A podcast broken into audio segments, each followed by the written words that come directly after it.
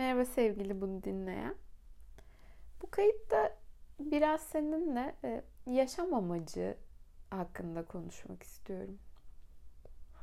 Kundalini Yoga ve meditasyonda Yogi Bhaja'nın öğrencilerine yönelttiği bir soruyu sıklıkla tekrar ediyoruz. Kaderin nedir? Yaşam amacın nedir? Ve e, bu yaşam amacınla arandaki mesafe nedir diye. E, bu yaşamdaki amacı ararken öncelikle çok ulu, anlamlı, hoş, e, böyle çiçeklerle döşeli e, bir yol hayal etmek istiyoruz. İlk eğilim bu oluyor. Ben de senelerdir her sene eğitimlerde bu sorunun üzerinden geçerken kendime tekrar tekrar bunu soruyorum. Hayat amacım ne? Ve bunu nasıl gerçekleştirebilirim? Ve hatta bir e, soru daha var. Bunu yürümek için stratejin, planın ne? Bir kez amacımı bulduğumda yolumun çiçeklerle döşeneceğine inanmak isteyen bir yanım var. O hayalci ve naif yanım iyi ki var.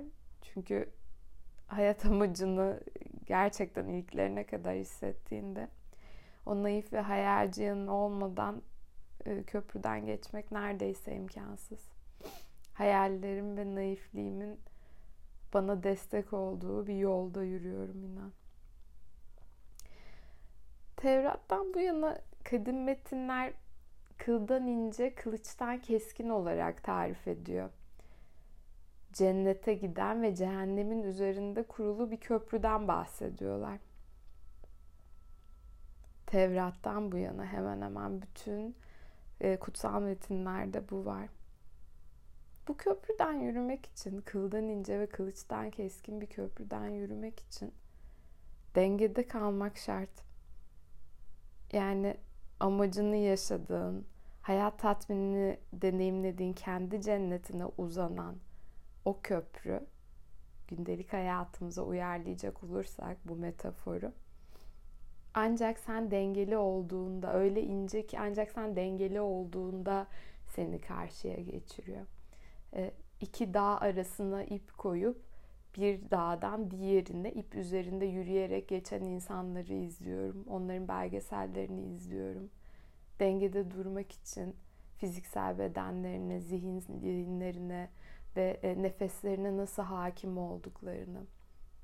Yani dün Satari ile yaptığımız mantra meditasyon atölyesinde nefesi incelerken nefes alıp verdiğimizde her nefes alışımızın ruhla bağlantı kurduğunu, nefesi e, karın noktasında kilitlediğimizde, mühürlediğimizde işin içine bedenimizi kattığımızı ve mantranın da etkisiyle zihni de bununla buluşturduğumuzu söylemişti.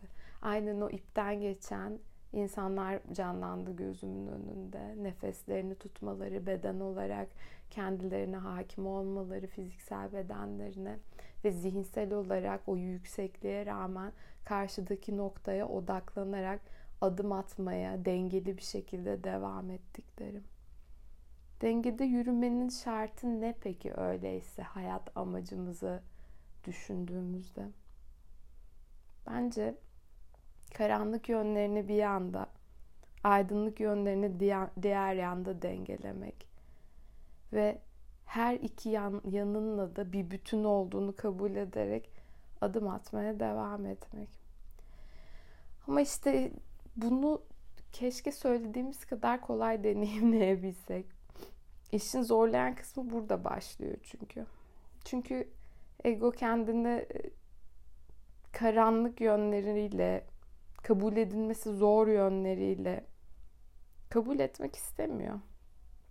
Ve içsel bir çatışma çıkıyor. Acı da işte tam bu noktada zaten hissediliyor. Çarmıha gerilme gibi bir acı. Hatta yine İsa'nın çarmıha gerilişini metaforik olarak algılayacak olursak feda burada başlıyor. Ki Cepçi'de feda diye bir şey yoktur diyor. Bu da bana çok enteresan geldiği için üzerinde uzun uzun düşünmüştüm. Eğer birliğime ve bütünlüğüme doğru, kendi cennetime doğru uzanıyorsam, tutunduğum şeyi bırakmak bir fedaysa, o zaman feda diye bir şey söz konusu olabilir mi diye. Ee, Hacı Banzaf bu Tevrat'ta şöyle diyor. E, bize günlerimizi saymayı öğret ki bilgelik kazanalım.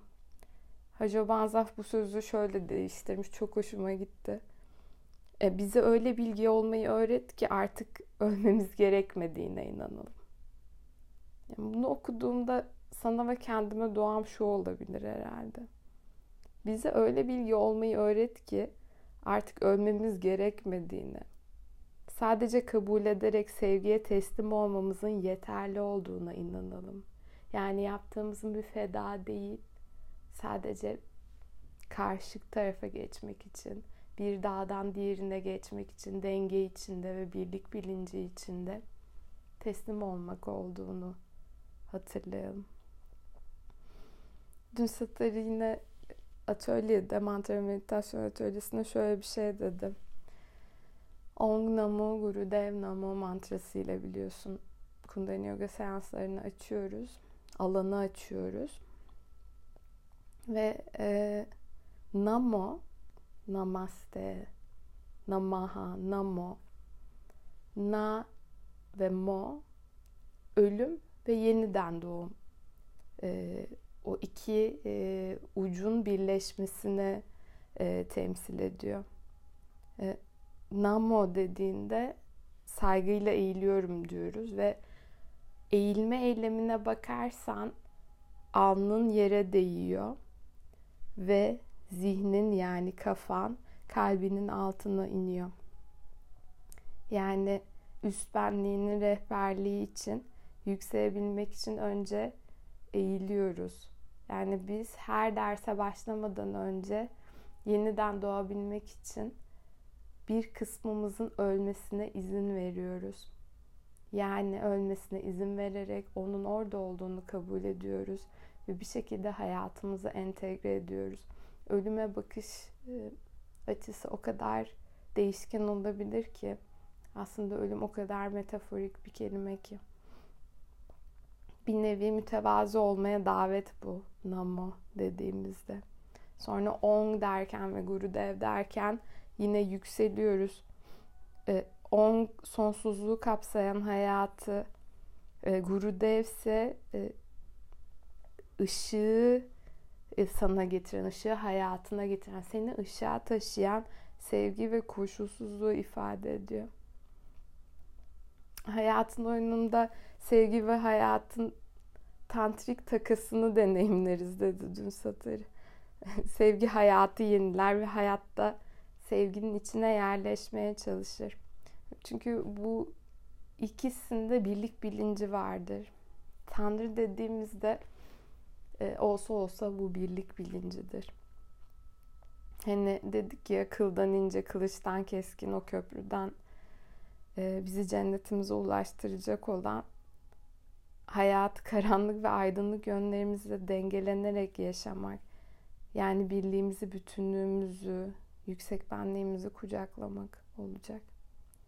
Bunun da ilk aşaması bu tezatların tümünü görmek, deneyimlemek ve bu deneyimlerin hakkını vermek olsa gerek. En büyük hizmet, en büyük hayat amacı bu yüzden kendin olabilmek. Yine e, burada döngüsel bir gerçek var bana göre.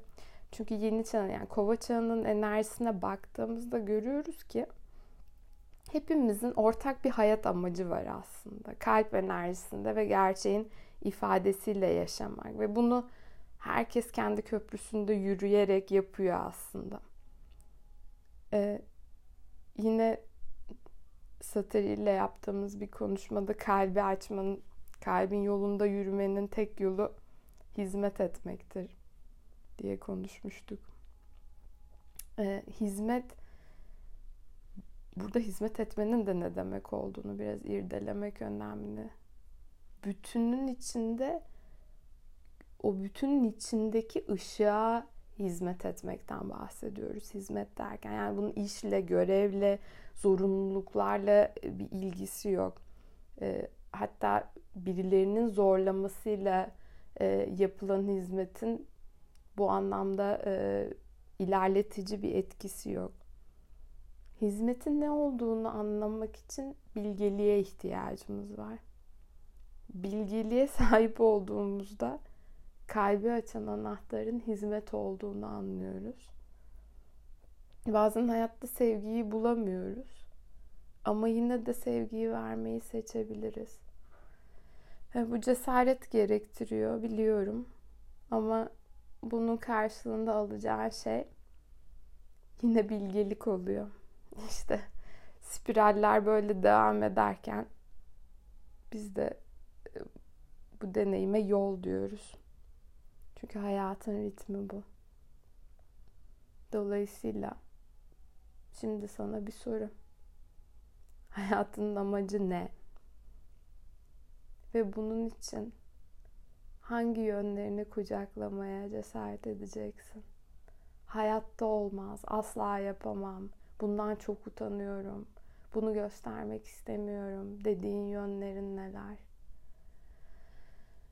Bugün belki bu kaydı dinledikten sonra karanlığına şöyle bir bakıp seni olduğu gibi kabul ediyorum dediğinde o köprüde belki bir kere daha dengeleneceksin.